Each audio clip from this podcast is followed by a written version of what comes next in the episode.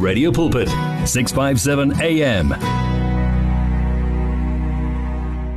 Usanda kungena uwamkelekile sikwamukela nje em zikhathi zonke. Nanoma inini uyazi siyatholakala em 24 hours a day la ku AM 657 eh ungene kahle. Eh, isikhathi ke la sizothola khona ubufakazi obuhle ubufakazi obunamandla njoba ke ngithe eh, ngizobuya sengihambisana no sis Hlengiwe Masondo.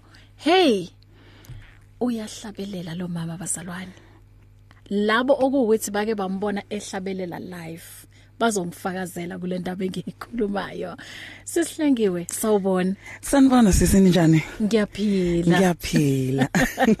Uyayizwa nale voice ukuthi umuntu ohlabelelayo.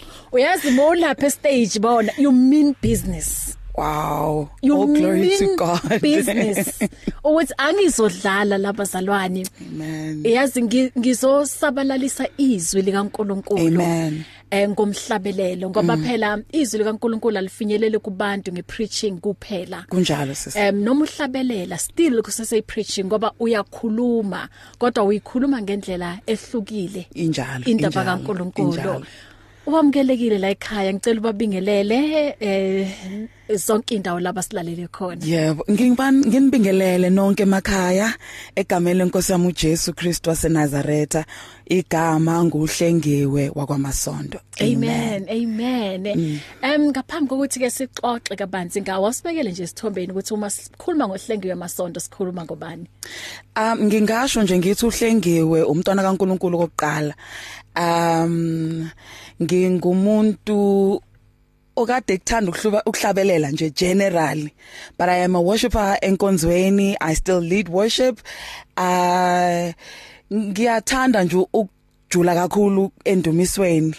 Um I am a daughter I'm a wife and uh I love life nje. I'm a family person. Yeah. Mm. Ngiyabona nje ukuthi yazi umuntu ngathi ohlala ejabulile ngazo sonke I'm ikhaya very bubbly. Hey ngibubbly kakhulu ngithanda ukuhleka kakhulu. Yeah kodwa ke la emculweni abantu abaningi banokusho ukuthi hey ngesinye isikhathi ngakutshontshela le njabulo um, because of ama challenges akhona. Yebo. and uh, you know ama challenges wona vela siyohlezi sinawo kodwa uthola ukuthi ngezinye ikhathi ngathi hey makhulu kakhulu. Um ngesinye isikhathi a- abanye bagcine bathi hayi mina ngiyayishiya lento ngoba ng- ngathi ngingene endaweni errong kanti uthola ukuthi hayi uNkulunkulu nje u- uloku uyasebenza ngawe. Injalo. ngiyacabanga ukuthi mhlambe nawe ungo un- u- u- ungabanye babaculo ukuthi kukhona nje okuningi wahlangabezana nako emculweni. Ngingasho ngithi we are faced with challenges every day. Yeah. Empilweni nje whether wenza iprofession ethize you Yeah. face challenges.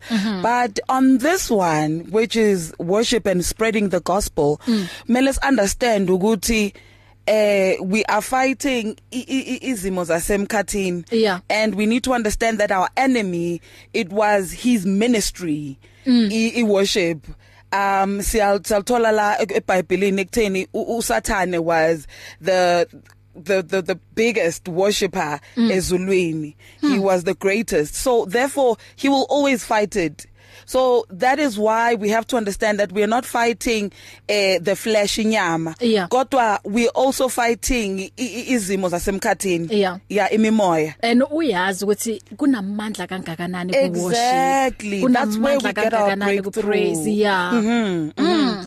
sisihlengiwe nginawe. Ithi ke ngithathe ikhefu la. Um sisazoxoxa sisindawonye until 4 o'clock. Ngiyabonga. It's more than radio, it's a way of life. It is 657 AM. It's here. Radio Pulpit's new website is live. You can tune in at radiopulpit.co.za and enjoy crystal clear sound with just a click of a button or listen to our podcasts. Discover biblical truths in our daily devotionals and let our stories of hope inspire you.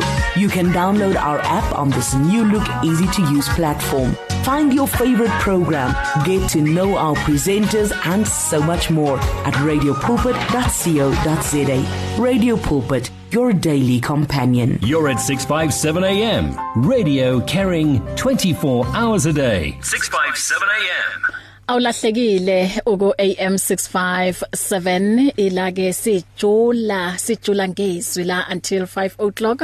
Isikhathi manje ke sithi 26 after 3 ngino sesihlengiwe um masondo. Amen. unama album ayingeke ngingasho ngithi ngina two. This is the, sec- the, the le ekhona Aha. ngasho ngithi eh yesibili. Um but i also have i EP um engayikhipha ngo 20 was it 2019 yeah beku 2019 ngayikhipha ngo 2019 and then ngo 2020 February um nge nge 28 noma nge 29 ngoba last year in, yeah it was nge 29 um i was doing imvuselelo. Mm, mm. yes which is the latest album. Mm. Imvuselelo the great revival. Usebenze nabo bani la kule album?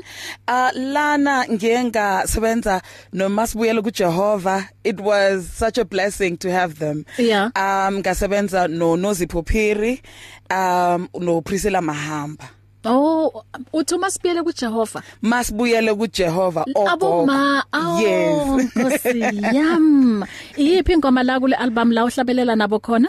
Um iku track number iku track monga checka Oh Track naba eight, number yeah, 9 number nine, 9 yes. ukubuya kwenkosi Yes. ave ngibathanda Ngibathanda abo- kakhulu. oh ave ngibathanda u- umama masibiyele kuJehova Yebo. em uyazi ngathi uJehova ngasigcinela bona ngoba bona phela bahlabelela leli vangeli lakudala Kunjalo. okuwukuthi si- siyalibalekela Kunjalo. thina kwamanje so Kunjalo. uma nje ubalalele behlabelela yazi bakubuyisela eh kule yandumiso bakubuyisela kuleli vangeli Amen. okuwukuthi ngempela kumele sihlale kulona Amen. uyazi kunomhlabelelo lahlengiwe mm, u- uyangibusisa kakhulu. And uma ngiwulalela lo mhlabelelo wakho uthi ngimbo- ngimbone kimi. Em ku- kulomhlabelelo ngiyacabanga ukuthi ukhuluma ngeyakho impilo. Kunjalo sisi. Em ukhuluma ngobufakazi. Em ukuthi uNkulunkulu umthathephi uhlengiwe. Ngoba eh, sila emhlabeni asizanga singabantu ukuwukuthi si right you know si si perfect usuku nosuku siyam dinga um uJehova siyamdinga umoya ongcwele ukuthi asiguide and then asifundise ngalempilo. So ithini indaba yakho kule ngoma lapho uthi ngimbone kimi it's very clear. Ekutheni uJehova uye wahamba nami la where i'm lacking uJehova uye waba- wahamba nami la abantu kade bengengifuni khona. Uye wahamba nami la kade nga approve khona but ngimbonile eyiguqula impilo yami. But what is more important than lezi zinto eziphathekayo noma esizibona ngamehlo? What is more important kumina ukuthi uye wayihlanza. Uyihlaza zonke izono zami. Ngangingumoni ngoba izwi liyasho ukuthi uma uthi awunasono uyayikhohlisa. Yebo. kodwa uma uyivuma ulungile uthembekile ukuthi akuthethelele kuzo zonke. So nami ngimbonile uNkulunkulu ehlambulula ezihlanza zonke izono zami wayiguqula futhi impilo yami. Indlela ekade ngibona ngayo kudala ayisafani namanje. Ukukhululeka yazi to be free nje into ongeke uzuyithenge ngemali. Yep. kodwa we have been redeemed ngegazi lika Jesu. Amen. uyabona? Ukuthi ezebophele esiphan- esiphambanweni noma kuchitheka igazi lakhe. It was just to redeem us. Yeah. ngokuthi asithenge ngegazi lakhe. I mean umuso ongaka. Hey. wokuthi nje sithandwe kangaka ngokuthi umuntu anikele ehle ebukhosini. Amen. Abesenyameni. U- u- yabona abasenyameni bese ayahlukumezeka but we have learned from that from that ukuthi sacrifice impilo yakhe. But at the same time we have learned so much from him and we have been redeemed. Namhlanje singazibiza ngabantu abakhululekile. Yeah. we asaphathwanga umthetho kodwa siphila ngomusa kaNkulunkulu. Amen amen amen. And ngempela siyambona esebenze impilweni zethu ngoba kunezinye izimo othola ukuthi zinzima futhina Kunjalo. kudingeka uJehova kube uyena oz- ozosilwela. And ngiyacabanga ukuthi nawe sesihlengiwe zikhona ezinye izinto uma uyibuka uthi hey eziningi. uJehova la. Kunjalo. Lana nje futhi u- ukuthi mina nguhlengiwe yini engiyaziyo ngikwazi ukukhuluma kangakanani? Uyabona ukuthi hayi cha bowungeke impela. Kunjalo. undlule lapho. So ikuphi lokho uthi mawubuke emuva uthi ngimbonile ngempela uJehova? Um engathi ngingayisho nje ekeyenzeka empilweni yami i think e- e- egqamayo now because there's a lot. I remember when i got married um my husband oh ngangasebenzi. And kwangeke ngisho ukuthi ngangakwazi ukufaka any income from that time. And i remember siyashada umyeni wami u oh, siyahamba kuyiwa ku honeymoon uma ebuya kumele ke impilo iqhubeka ngithi ebuyele emsebenzini nani nani. Yeah. ah kwathiwa no njengoba bohambile ku honeymoon eh umsebenzi usuphelile boku retrenchwa hayibo ay nga ene nawe ngaleso sikhathi awusebenzi. Ehe ene sisafika kulento. Uyabona ukuthi umshado umnandi and how all of the sudden akusana income. But i saw god actually providing for us ngoba sahlala 2 years yonke. Cl- yeah close to 2 years kungena muntu okuthiwa nje singana stable income. But we saw god actually providing for us and through the ministry. Sibona uNkulunkulu ubizwa ungana ungena title yokuthi okay omunye umfundisi phakathi kwethu or omunye uyi worshipper or uyi musician or so. But we will get ema conferencing and being called ubona abazalwane providing even if sometimes benga provideanga ngemali uzobona abantu babeka ama grocery einyaweni zakho. And i was like uNkulunkulu kantu njani na? Oh. and i remember my mother-in-law said yazi uNkulunkulu nawe. Hayibo kanti lento leni lokho nithi niyahamba niyahamba kanti uNkulunkulu uyakwazi ukuprovide akuyona Yeah. so i've i've seen god doing that and i've seen ifamily yethu imbona uNkulunkulu through our situation Wow. and uNkulunkulu mesevula iminyango um there's no you you can you, you cannot brag Yeah. about your success or the things as tangible Yeah. that you are having mm. because you know ukuthi uNkulunkulu angakususa angakususa noma yinini ngoba uyo osinikezile uyo who provided for us mm -hmm. and ivese kade likimi ithi bheka inyoni Yeah. ningakhathazeki nga- nga- nga- ngalutho kodwa bhekani inyoni ziyambatha ziyadla kodwa ngoba ubaba wazo uyazinakekela ngithi what more to us? Mhm yeah. Wow. Ngempela uNkulunkulu muhle em sislengiwe amen. Umbonile ngempela empilweni yakho eprovider. Umbonile empilweni yakho uyazi enenza ukuthi nibumbane more wena nomyeni wakho ngoba Kunjalo. ngiyacabanga ukuthi usathani bekayilethile lento ukuthi nje azokwenza ukuthi kube kube ne tension emshadweni wenu. Em yazi nibone nje ngathi ayi cha nenzi iphutha ukuthi ningene emshadweni. Why now? Nibhekana nama challenges kodwa wathi wena wahlabelela wathi Jehova noma kunzima kodwa ngiyakubona. Uya provider empilweni yami One vision, one voice, one message. Radio Pulpit 657 AM and 729 Cape Pulpit, impacting lives from Gauteng to the Cape. Many people across South Africa are being blessed and encouraged by the Radio Pulpit devotional magazine, The Word for Today. This publication places the gospel of Jesus Christ in the hands of more than 100,000 people every day, inspiring every person, from the professional businessman to the needy person who lives in the streets. Each edition contains daily scripture based devotionals and inspiring articles to help you grow spiritually. The booklet is given with the compliments of Radio Pulpit, but your donation, large or small, will help us to print the next edition and continue being the hope of the gospel to a world in desperate need. The Word for Today. Get yours today on 012 334 1200 or subscribe online at www.radiopulpit.co.za. Radio Pulpit, your daily companion. Give your faith wings. Explore life with 657 AM. 657 AM. Usas Sihlengiwe uthi nginobufakazi ngalo Jesu ngimbonile Kim. Uyazi wawuqinisa umshado wami. Lapho ngingena khona ngithi manje sengizo yazi sengizo relaxa mm. and then yafika i challenge hey. Yathi ngiyayithatha yonke i-income kulomuzi ngifuna Yes. ukubona ukuthi bazo survive kanjani uNkulunkulu wathi ngubani mina?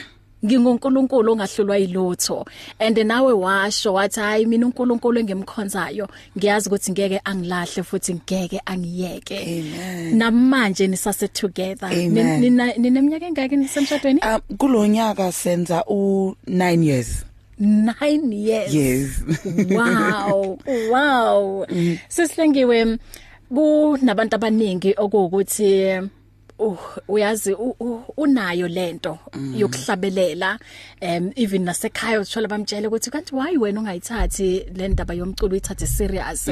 And um mhlambe balokubalalele la i-radio pulpit kunabaculi engihlezi ngibaletha nje abaningi uthola bayakhuluma ukuthi hey phela la emculweni ziyabuya. And nawe nje obushilo ukuthi yes emculweni but yonke nje indawo um inama challenges akhona.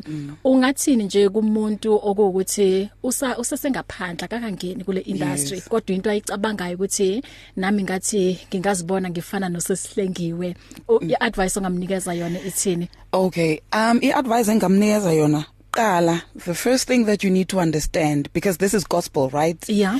Um learn to serve. Mhm. And understand ukuthi as much as you are a great singer mm. and as much as you are the great writer but understand ukuthi u- u- u- u- u- ukhuluma ngobani noma ukhuluma nobani Yeah. So our greatest platform that we have nami ngisesenayo is the church mm. which means you need to serve in the church. Yeah. And number 2 enye into okumele uyazi understand ama contract. Mhm. Hey ngoba uma ungaqondi i contract that you are signing you'll find yourself uba one of the people abakhuluma kuma Twitter kuma social medias. Ekutheni hey ngiyarojwa hey Bangidlela ngenza imali. yebo. Understand the ama terms and condition. If awuzwisisi buza. Because we tend to be excited. So we're like oh yes kunje kunjena hey finally i'm there bese and not understanding the the the, the ukuthi yini lento ekubindayo Yeah. with the with the company that you are in mm -hmm. if ufuna ukuba if if ufisa ukuthi ube an individual like usebenzele wedwa mm. you must have a working ethic understand ukuthi you cannot um uvele udume noma no- besides ukuduma angeke uzukwazi ukuthi product yakho being sold sengikhulumela on the business side of it. Yeah. uwedwa nje Yeah. uwedwa. Understand the business side of it and so that uzokwazi ukuthi ukhule nawe ube yile musician ofuna ukuba yiyo noma ube yile ndumi ube yilo yilo mdumisi ofuna ukuba uyena. Konje neminyaka emingaki la? Emculweni. Yo ngaqala ngo as professionally i think ngaqala ngo 20 2017 2016 mm -hmm. yeah the first album was done 2016 and then it was released 2017 mm -hmm. so nginga we can count maths. Yeah. 2016 ngacabanga ukuthi lapho kubo 5 yeah. Yeah lapho kubo 5 6 U- ukhulume la ngomyeni wakho and ngiyacabanga ukuthi ningabaculi nihlezi nje ni traveler eh ngesinye isikhathi awukho ekhaya and kunezingane kunomyeni okumele u- umnakekele. So ubalance kanjani u- i- la kumculo and then nekhaya? Yes, I think it's very important that you involve your family, mm -hmm. but understand eh, um i- industry ongena kuyona. Always involve them, even if uh, usign maybe a contract with another company, but iba akabe khona. I understand ukuthi okay when i'm saying ngiya ku interview or ngi ngiyoministera kuphi kuphi abe khona naye. And him being there with me ingipha leso sithunzi leso uyabona? Ukuthi noma bokuthiwa khona abantu uyazi mosi ukuthi kuba kanjani? sometimes u- uba nokudeleleka nani nani? Kodwa ume ekhona kwesinye isikhathi kuba khona izinto e- ezingekho right? So i think we have that thing ukuthi be there even if you're not there but you you understand ukuthi ngikuphi. And having a support supportive family you know ku omama ogogo nan nan. Nan ama mabe khona they understand the ministry yakho. So there's no need to angeke uzube nama challenges angako. Mm.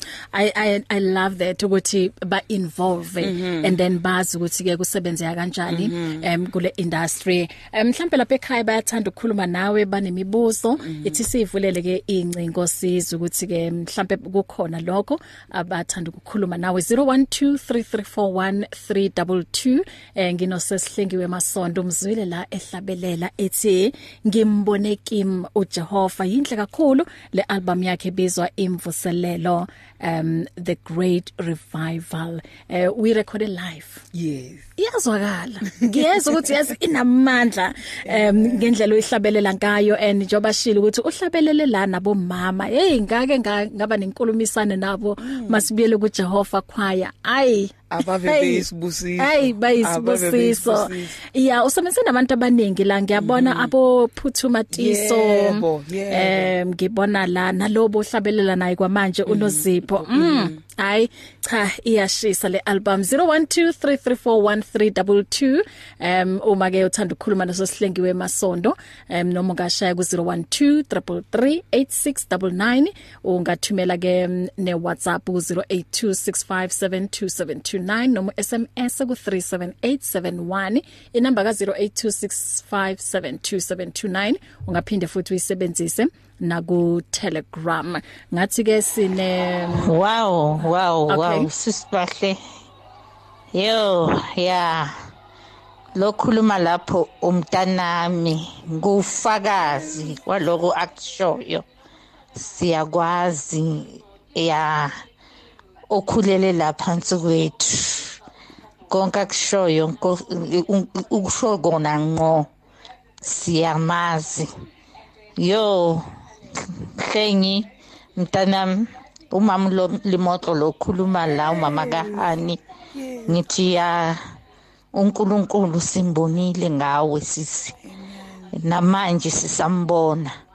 Qhubeka Nga- eh chawokazi lethu qhubeka. Qhubeka qhubeka mntanami. uNkulunkulu akuphakamise siyabonga. Sinawe futhi nasemkhulekweni ukuthi uNkulunkulu akuphakamise even more than this. Ah siyabonga kumama. Umama okhulele ngaphansi kwakhe lo. Oh my word umama ulimotlo mama ngiyabonga. Long time no see. Kumele Wow. sibonane mama hey. Siyambonga radio pulpit ngoba Yay. nanga uphinde wakuhlanganisa lo muntu okudala unga ungamboni yo mama. Amen. Wow I guess I'm so honored. I'm so blessed. Wow. Thank you so much. Yazi ngifisa ngathi uyakubona ukuthi ngendlela nje ojabule ngayo. Yazi am- hey cishe ngibambe inyembezi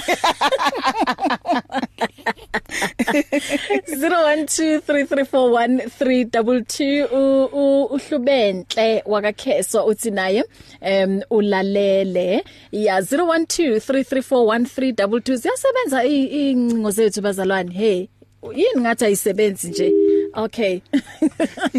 Phela u- izinto bezingasebenzi labana sengi sengicabanga ukuthi hayi mhlambe manje sokukhona okunye futhi okuphazamisekile. Okay 0123341322 um angaphumi ngala usesihlengiwe ungakaxoxi naye noma unombuzo eh kukhona nje uthando u- u- ukukhuluma naye. Ukuphathelane nomculo noma ke njoba bekashare ubufakazi bakhe ngoba em sisihlengiwe ngempela em kuyi challenge kakhulu ka- eh, kubazalwane em uma kuza endabeni yomshado. So em kuyangikhuthaza impela ukuzwa ukuthi base sekhona abosisi ukuthi noma kunzima kodwa athi ngiyahlala ngoba abaningi uma ungabuka kwamanje umuntu ubheka imaterial.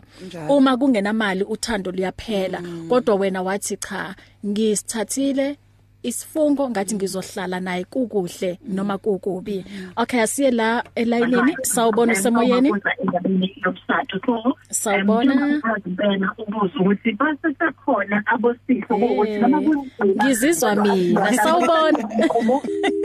Angazi ukuthi why ngizizwa mina and mina ngiphendule ifone kusho ukuthi kusesekhona inkinganyana esekhona lana. Okay um nangu mama ubuyile futhi la nge voice note. Asizwe ukuthi ke uthini? Yeah asi angizwe la ukuthi mama uthini. Um okay asiqale ngale i voice note. Mm. sanibonani bahle nohlengiwe isithando sami ngisithanda kakhulu. Yo hlengiwe bengiblessa enkonzweni bengikhala. Ngikhala worshipa ukhe uhlengiwe aworshipa uhlengiwe aworshipa wo azaguqe ngamadolo phansi akhale. Oh uyiblessing kakhulu uhlengiwe uyiblessing kakhulu lo mntwana umama phethu okhulumayo njengoba engikhuluma wehla inyembezi kimi. Mangimcabanga uhlengiwe haleluya. Amen mntanami qhubeka.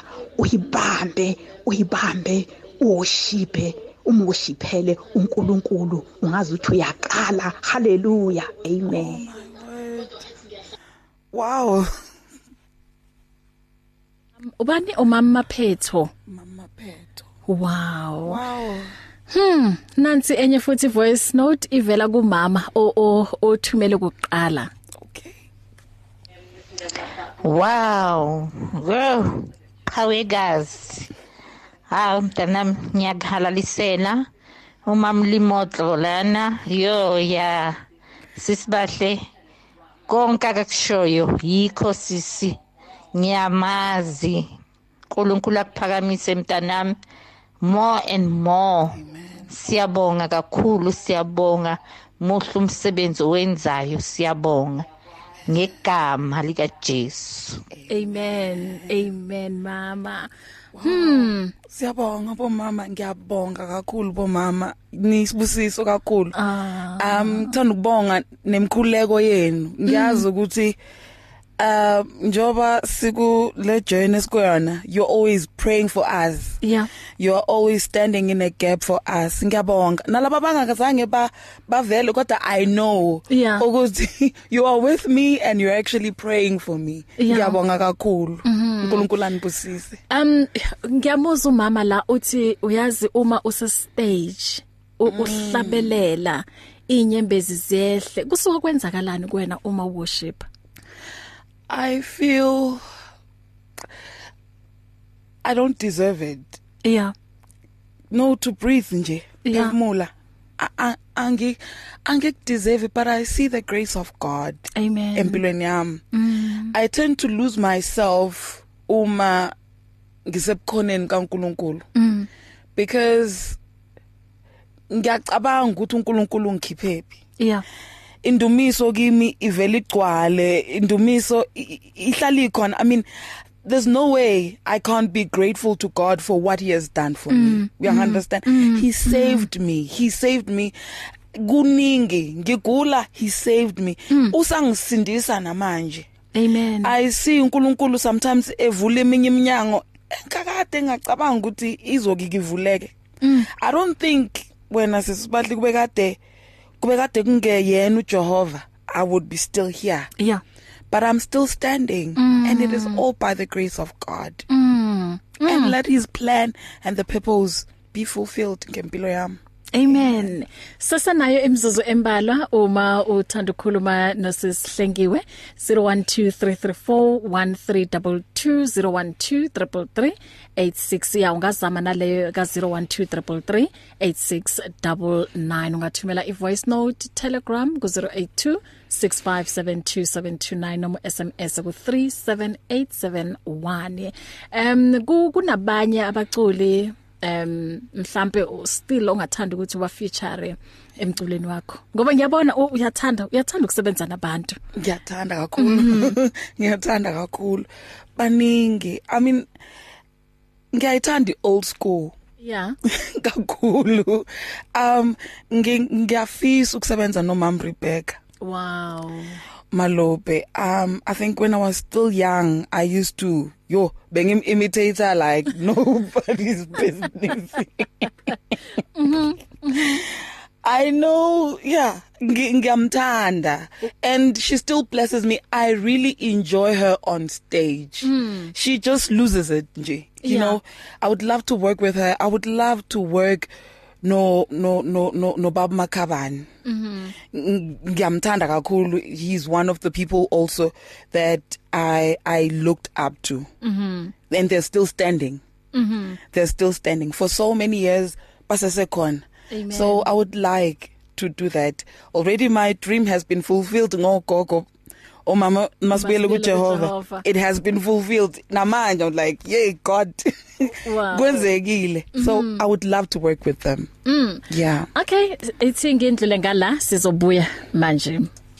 Words of truth and value you'll find it on 657 am You can now buy your favorite programs and series of the past 38 years, as well as books, CDs, and more on eCompanion, Radio Pulpit's own online shop.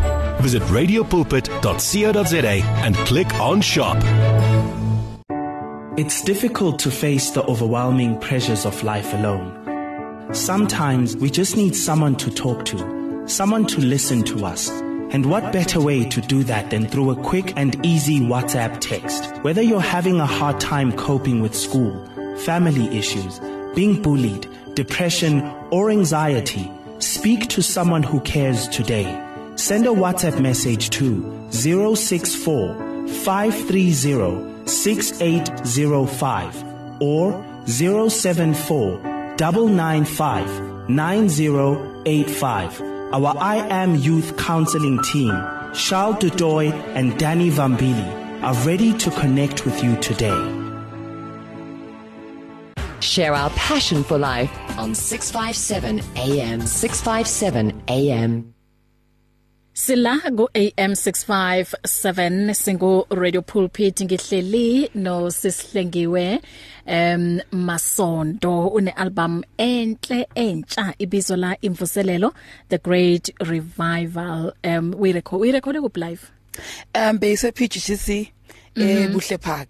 Ebuhle park. Ise oh. Israel yes. Okay mm -hmm. okay okay. Mm -hmm. um sisihlengiwe isikhatsi sethu. Ngiyabona ke siyagijima impela um ukuthi ke siphume ngala amazwi akho nje okugcina ongathanda ukuwasha ku wonke nje umuntu olalele kwamanje ungathini kuyena? Ngingathi qinani enkosini nasemandleni ayo amakhulu. Mhm um let's not give up on this uh vangeli salithola because sokunama doctrine amaningi. Mm. kodwa asiqinisekeni ekutheni we read the bible. Yeah. Konke okushiwo eBhayibhelini kuseyikho. Yeah. Um ngiyazi ukuthi kuthiwa khona okuediwe khona okukhishiwe in in thina uNkulunkulu umoya engcwele uma esathi kuwe this is it qhubeka ngakho. Mhm amen. Amen. Mm. and i covid i affect kanjani umsebenzi wakho? It has affected me even physically. Oh. I'm one of the people abayayithola but ngomusa kaNkuluNkulu wow. i am still standing. It has been hard. Um ngingasho ngithi we need uNkulunkulu uyadinga ukudunyiswa.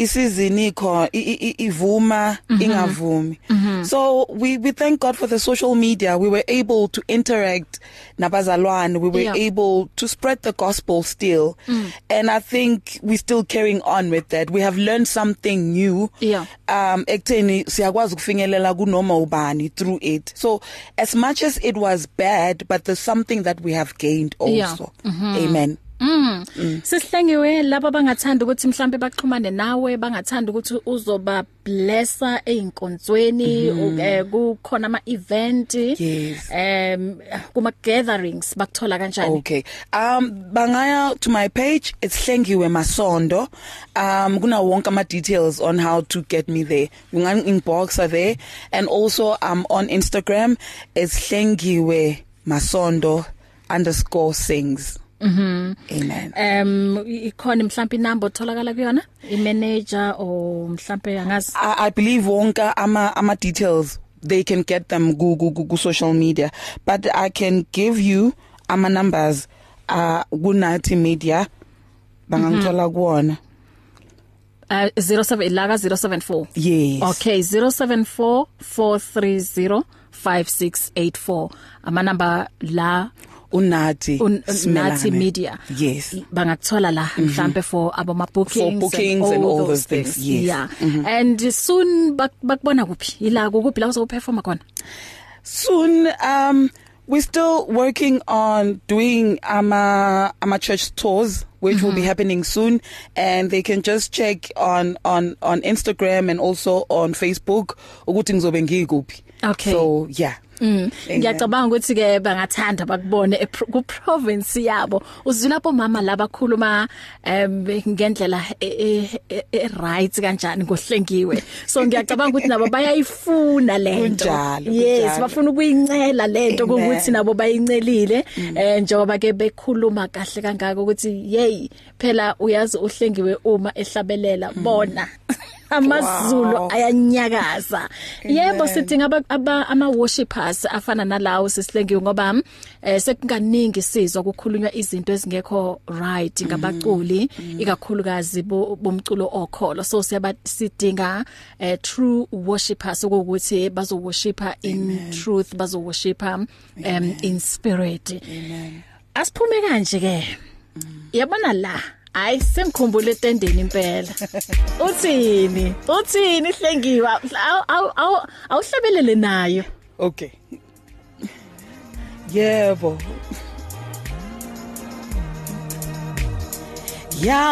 Yamukela indumiso ibengama kamnandi ngiyazendlala ophambi kwaso isihlalo so bukhosi One vision, one voice, one message. Radio Pulpit 657 AM and 729 Cape Pulpit, impacting lives from Gauteng to the Cape. If you need prayer, please send your request to prayer at radiopulpit.co.za or WhatsApp 067 429 7564 or go to Radio Pulpit website on www.radiopulpit.co.za. In today's rush world, there is limited time for yourself. Your cell phone, however, is with you all the time. So why not use it? Visit our Radio Pulpit website with your cell phone and restore your soul. There you can find out more about Radio Pulpit, download the Bible to your cell phone, read Word for Today, and you can listen to us online. Just visit www.radiopulpit.co.za, especially developed for your cell phone. Radio Pulpit, your daily companion. You and 657 AM and life, a winning team on the road to eternity.